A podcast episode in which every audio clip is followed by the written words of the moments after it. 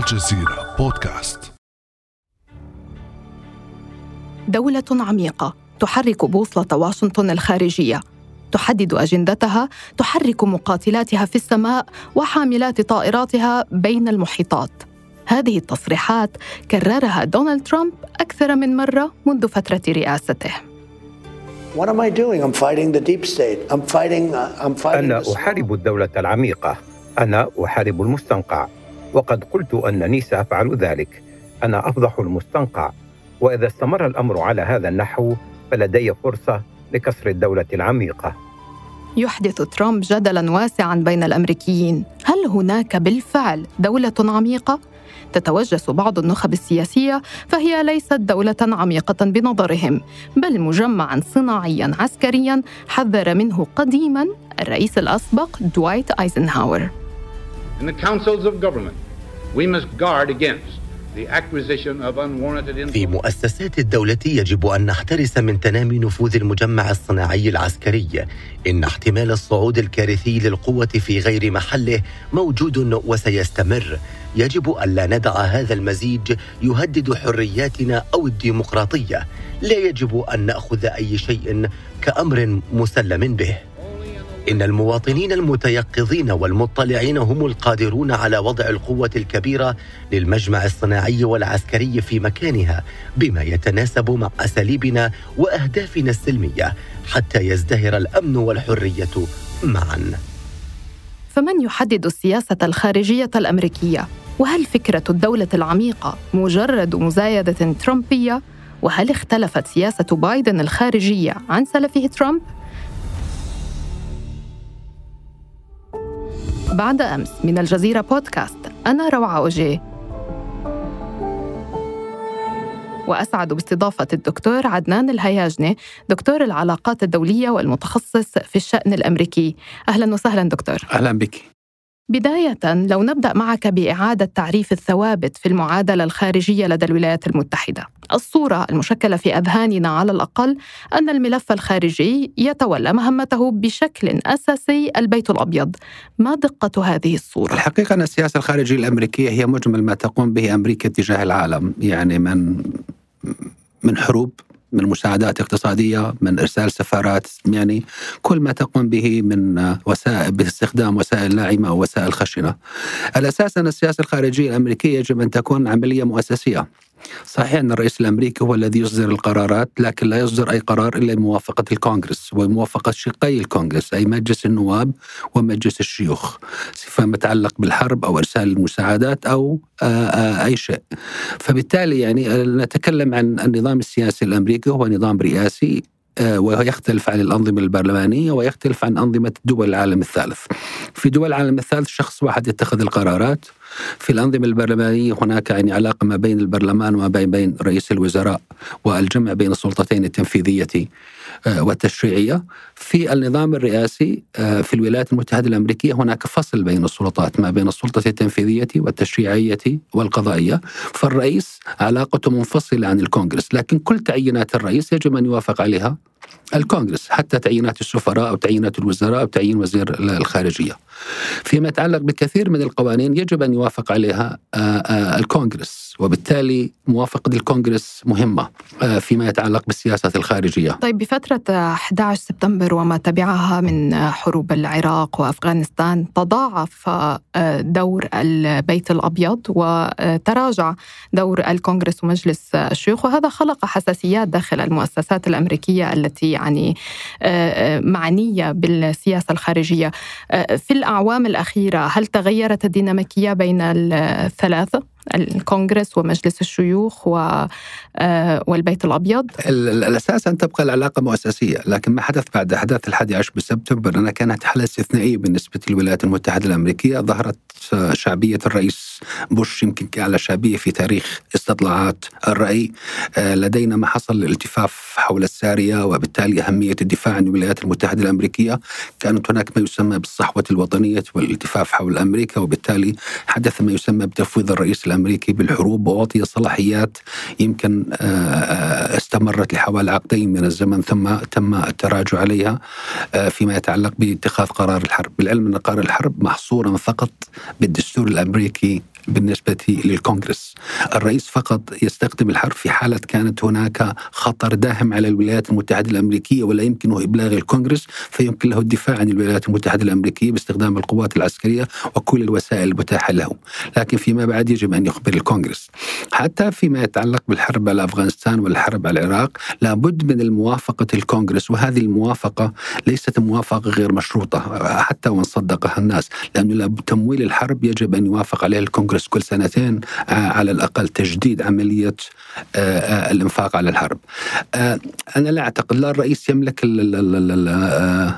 السلطة الصلاحيات الكاملة ولا الكونغرس يملك الصلاحيات الكاملة ولا السلطة القضائية تملك الصلاحيات الكاملة. يمكن للرئيس أن يتخذ بعض القرارات المرتبطة بالسياسة الخارجية تردها بعض المحاكم الفيدرالية. كما حدث مثلا في منع دخول بعض الجاليات من دول عربية ودول إسلامية كما مثلا حدث في فترة آه، آه، الرئيس ترامب. آه، من ناحية مؤسسية يجب أن تكون العلاقة فصل بين السلطات وكل سلطة تراقب السلطة الأخرى لا يمر أي شيء إلا بقانون. القانون يجب أن يوافق عليه المجلسين والرئيس للرئيس أن يقوم بفيتو. آه كما فعل مثلا آه أوباما في قانون JASTA اللي كان موجه ضد المملكة آه العربية السعودية والدول التي ساهمت في أحداث الحادي عشر من سبتمبر. لكن لمجلسي النواب والشيوخ أن يقوم بما يسمى بال override وهذا ما حصل في في هذه آه، آه، الحادثة. بالإضافة للكونغرس ومجلس الشيوخ يعني ربما ليست فقط في أفلام هوليوود ولكن ال CIA والأمن القومي يلعبان دورا اساسيا في آه، ديناميكية السياسة الخارجية.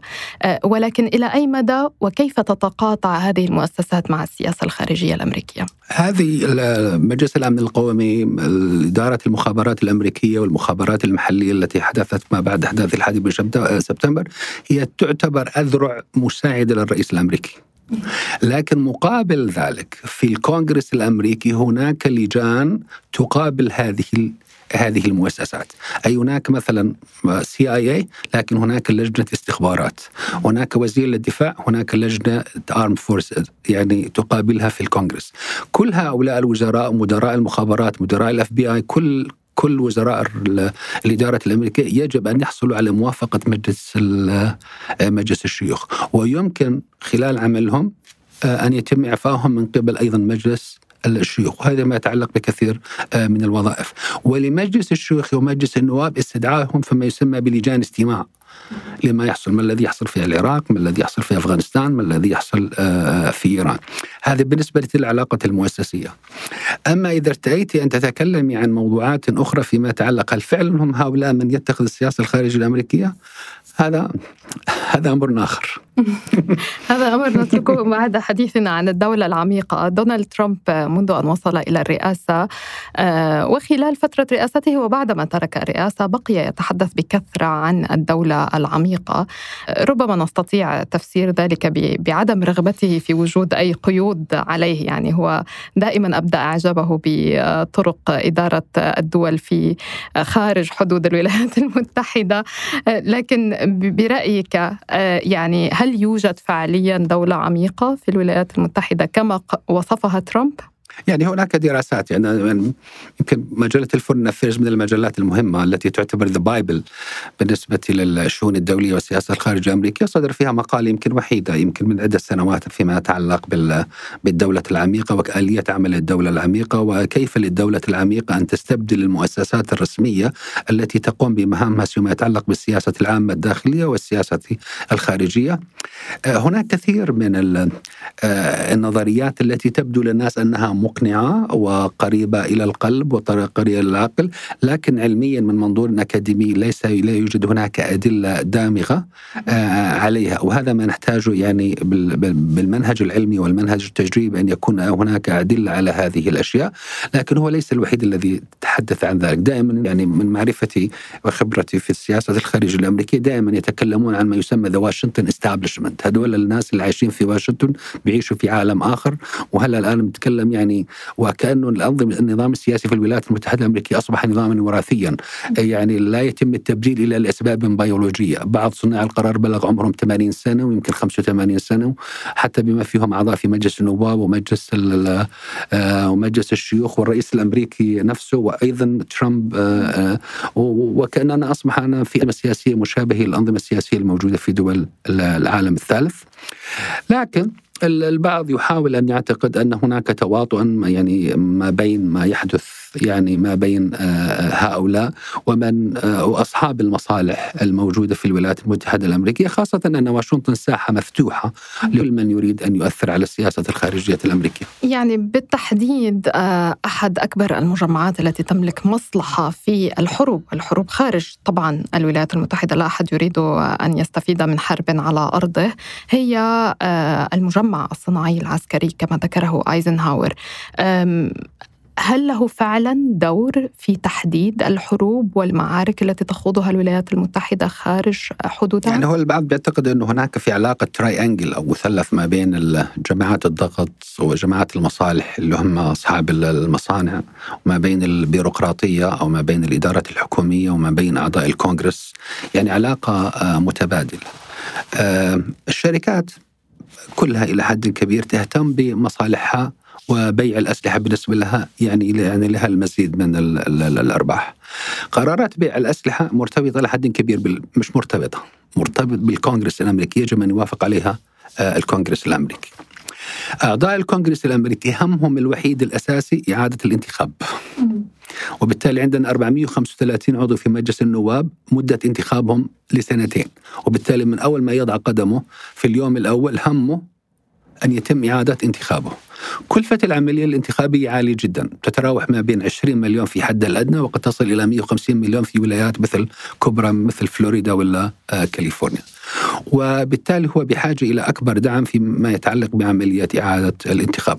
وعلى عكس الرئيس يعني هو إعادة انتخابه غير محددة يمكن أن يعاد انتخابه إلى مماته يعني. إيه، إيه، آه يعني ما في ما في تيرم ليمت هلا يمكن في حديث مثلا نيكي هيلي آه، مرشح المرشح يعني للحزب الجمهوري تتحدث أن يكون هناك حدود عليا لعضوية أعضاء مجلس النواب بالكونغرس فبالتالي يعني في هناك اهتمام وهذه العملية الانتخابية تكلف الكثير من المال وهذا المال يمكن أن توفره جماعات الضغط. جماعات الضغط وجماعات المصالح. وهذه لن توفره فقط يعني من أجل السياسة العامة وحبهم يعني ووطنياتهم والسلام طيب هناك استطلاع أجرته جامعة مونتماوث يشير إلى وجود 74% من الأمريكان يعتقدون أن مجموعة من المسؤولين الحكوميين والعسكريين غير المنتخبين يتلاعبون بالسريه في رسم السياسات الوطنية. استطلاع آخر عقده يوغوف عام 2019 يبين أن 83% من الجمهوريين يعتقدون أن الدولة العميقة الحقيقة هي تقوض ترامب مقابل 10% من الديمقراطيين. من أين تأتي هذه الانطباعات لدى الأمريكان؟ من عدم قدرتهم على تغيير الواقع في الولايات المتحدة الأمريكية وعدم قدرتهم على التحكم بالسياسة الخارجية واعتقادهم أن هناك قوة خفية أو قوة يعني هي التي تتحكم بالسياسة الخارجية الأمريكية. وهذا يعني مع المواطن الأمريكي الطيب الذي يعني فكره إلى حد كبير بالأمور الحياتية. يعني آه، أمريكا كما تروج لنفسها وكما يعتقد كثير من الناس في المجتمع الأمريكي أنها تقوم على الحرية والديمقراطية والمثل والعدالة وأنها دولة كانت مستعمرة من بريطانيا ومن فرنسا وبالتالي يجب أن تقوم على مسألة حقوق الإنسان. تورطت في كثير من الحروب في العالم وهذا لا يتماشى مع كل المواثيق والآراء التي وردت في دستورها الذي يعني وال Bill of Rights مسألة الحرية والمساواة ما بين كل الناس. أنا أعتقد المواطن الأمريكي يستغرب كيف الولايات المتحدة الأمريكية أن تشن كل هذه الحروب وتخسرها وتنفق عليها مليارات الدولارات. وأعتقد أيزنهاور قال أيضا في في في الخطاب أيضا أننا يمكن أن نبني آه، المدارس والجامعات وكل هذا بدل من كل هذا الأنفاق العسكري خاصة إذا أخذنا مثلا الطلاب الجامعيين كم عليهم من الديون؟ يمكن 1.7 تريليون دولار يمكن يقضوا معظم حياتهم لسداد هذه الديون. كثير من الأمريكان بيعيشوا على على المعونات الحكومية. الكثير من الأمريكان تضرروا بسبب معدلات التضخم وارتفاع الأسعار وارتفاع أسعار الغازولين. معرفتهم بالسياسة الخارجية متدنية جدا. معرفتهم بالسياسة المحلية أيضا. في الحالتين هناك دوما شعور كما قلت بأنهم ليسوا صناع القرار حتى لو صوتوا حتى لو انتخبوا حتى لو لم يصوتوا. آه لست خبيرة بالشأن الأمريكي ولكن بحكم عملي بحكم عملي اضطررت أن أتابع يعني أن أحاول فهم آه آلية عمل جماعات الضغط وعلى الرغم من كل التقنين وكل الشفافية المفروضه عليها ما زلت لا أفهم حقيقة كيف دولة بحجم الولايات المتحدة تسلم قراراتها الداخلية والخارجية. الخارجية لشركات علاقات عامة نوعا ما. هي ليست شركات علاقات عامة وخلينا نقول يعني يمكن دورها محدود. وحتى نقول ما السياسة الخارجية الأمريكية سياسة يعني آه هذا حقل يحتاج إلى كثير من الدراسات وكثير من النظريات والمدارس الفكرية. نتكلم عن السياسة الخارجية السياسة الخارجية الأمريكية آه اتجاه آسيا ولا اتجاه الشرق الأوسط ولا اتجاه الصين. يعني هذه عملية معقدة. فبعض المرات إحنا يعني نقزم له مثلا نقول أن مثلا اللوبي الإسرائيلي هو المسؤول عن السياسة الخارجية الأمريكية تجاه المنطقة. أعتقد أنه هناك آه، مبالغة في ذلك لأن هناك لوبيات عربية ولوبي مصري ولوبي آه، يعني لكل لكل الدول. هلأ طبيعة الحياة الأمريكية أو السياسية أو طبيعة النظام السياسي الأمريكي يسمح بوجود جماعات ضغط وجماعات مصالح. يعني مثلا ليس فيما يتعلق بالسياسة الخارجية، في كل قضية هناك مئات من جماعات الضغط. خذ الان ار اي مثلا هذه فيما يتعلق بحق آه، آه، الناس من امتلاك السلاح. لا يمكن أحد أن يقيدهم لديهم هذول القدره فائقة في التأثير على الانتخابات الامريكيه خاصة فيما يتعلق بالحزب الجمهوري. فأنت بتتكلم ببلد متاح فيه الكثير من يعني الحريات أن تؤسس جماعات ضغط. وهذه جماعات الضغط يعني آه لا تؤسس فقط للعب على دور الشركات وإنما يكون لها دور على مستوى المجتمعات. وبالتالي بيسموها grassroot level وفي top level يعني بتشتغل على صناع القرار على أعضاء الكونغرس كما تكلمنا في العملية الانتخابية. وأيضا بتنتخب على على المواطنين. آه في هناك جماعات ضغط بتعطي جامعات بتعطي مراكز أبحاث. funding آه، آه، منها دول عربية ومنها دول أجنبية ومنها داخل الولايات المتحدة الأمريكية ومنها من يعطي لشركات. حسب تعداد يمكن قبل أكثر من 10 سنوات يمكن أمريكا فيها أكثر من 120 ألف إلى 200 ألف جماعة ضغط. يعني فبالتالي يعني وبرايفت ففي تركيز فيها. يعني آه، آه، كثير من دولنا العربية بتدعم جامعات بتدعم مراكز بحثية نحاول أن نؤثر على كثير آه، من القرارات. وهذا التأثير ليس على الرئيس الأمريكي لأن الرئيس الأمريكي لديه من المستشارين الكثير لكن على أعضاء الكونغرس. أنت لو أخذت اليوم العادي لعضو الكونغرس ليس لديه الوقت ليقرأ كل هذه القضايا وكل ما يحدث. فبالتالي إذا جاءته دراسة أو جاء أو شيء يعني جاهز إلى حد كبير إلى مستشار الاستشاري يخفف عليه كثير من ولا نفترض أن عضو الكونغرس يعرف كل شيء في العالم. تحدثت أيضا عن لوبي المصالح وليس فقط القضايا هنا. ربما نفكر بوول ستريت وفاعلين غير سياسيين لديهم مصالح حتى الاستثمار بالطاقة النظيفة وما غيرها. ما تأثيرهم على السياسة الخارجية الأمريكية؟ كثير من رجال الاقتصاد أصبح لديهم اهتمامات بالسياسة وأصبحوا يملكوا الصحف على ما يتعلق مثلا بتويتر آه، رجل الاعمال أصبح يمتلكه فيما يتعلق بصحيفة مؤثرة في الولايات المتحدة الأمريكية زي الواشنطن بوست. أصبح أحد رجال الأعمال يمتلكها. آه، فبالتالي يعني دخول رجال الأعمال ومصالحهم ويمكن هذا يتضح في الساحة الأمريكية بشكل كبير على معدل الدخل ومن يمتلك الثروة في أمريكا. يعني نجد هناك فجوة كبيرة ما بين الأغنياء والفقراء وأن هذه النسبة البسيطة التي لا تشكل واحد في المئة هي تتحكم ليس بالسياسة وإنما في كل اقتصاد أمريكا طيب آه، لنقدم بعض الاسقاطات على الواقع نقدم قراءة بين آخر عهدين بين عهد الرئيس الأمريكي السابق دونالد ترامب والحالي جو بايدن.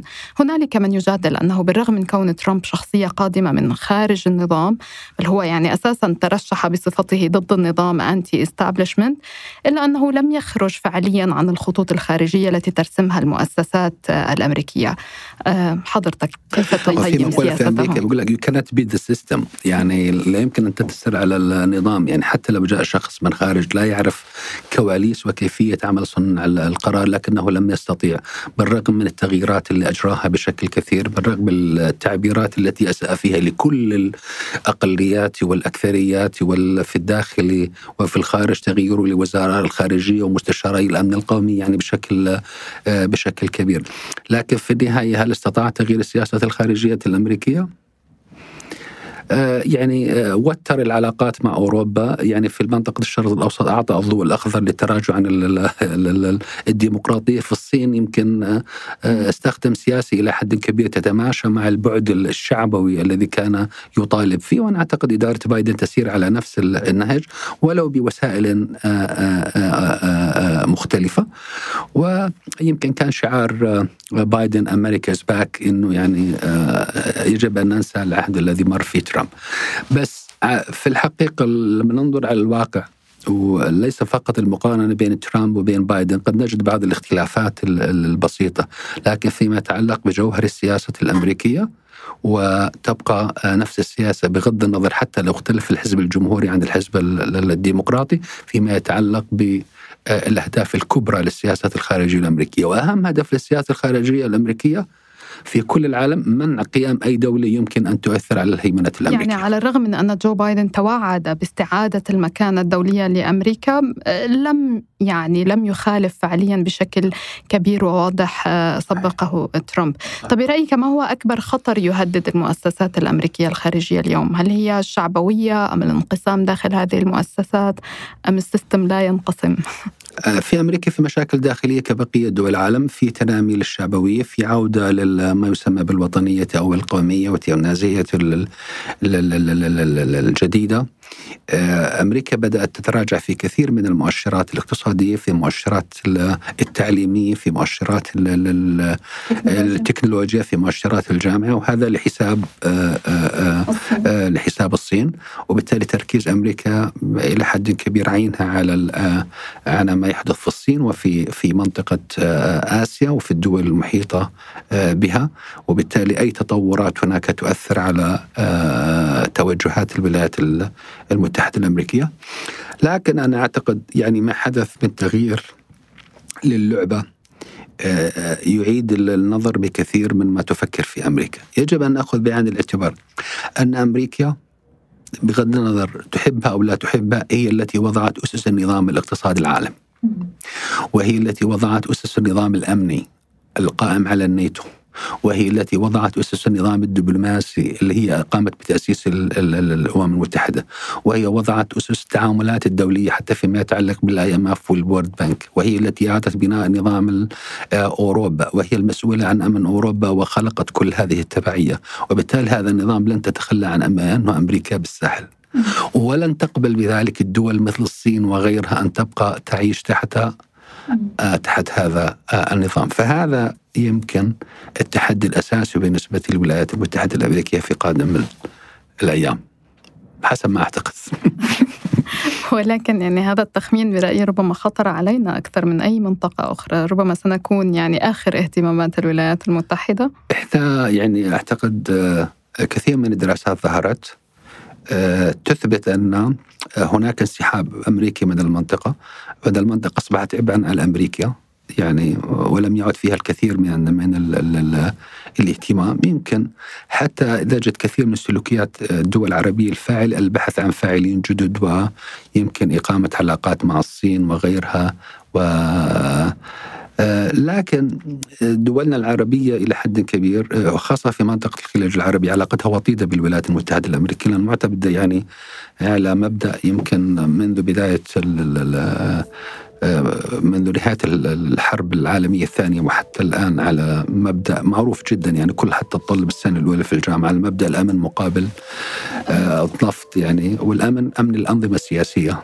وبالتالي يعني لغاية الآن الدول العربية لا يمكن أن تجد بديلا عن الولايات المتحدة آه، الأمريكية. يمكن أن توفر لك الصين بعض الصناعات لكن لا يمكن أن توفر لك الحماية آه الأمنية، لكن يعني هلأ شعرنا انه إحنا يعني ويا اللفت اوفر خاصة أنه يعني كثير من دولنا العربية دول هشة أو دول فاشله كانوا يسموها دول فاشله في في تعريف العلاقات الدولية الآن أصبحوا يسموها دول لن نذكرها بالاسم لحتى ما يزعل لا لا لا, لا, لا بس هي معروفة بالتصنيفات معروفة العالمية طبعاً. طبعاً. يعني. ومعروفه من هي الأسماء يعني غالبية دولنا كذلك. للأسف الشديد. الله يعيننا ويعينهم. شكرا لك دكتور عدنان هياجنه أستاذ العلاقات الدولية والمتخصص في الشأن الأمريكي. حياك الله. شكرا لك.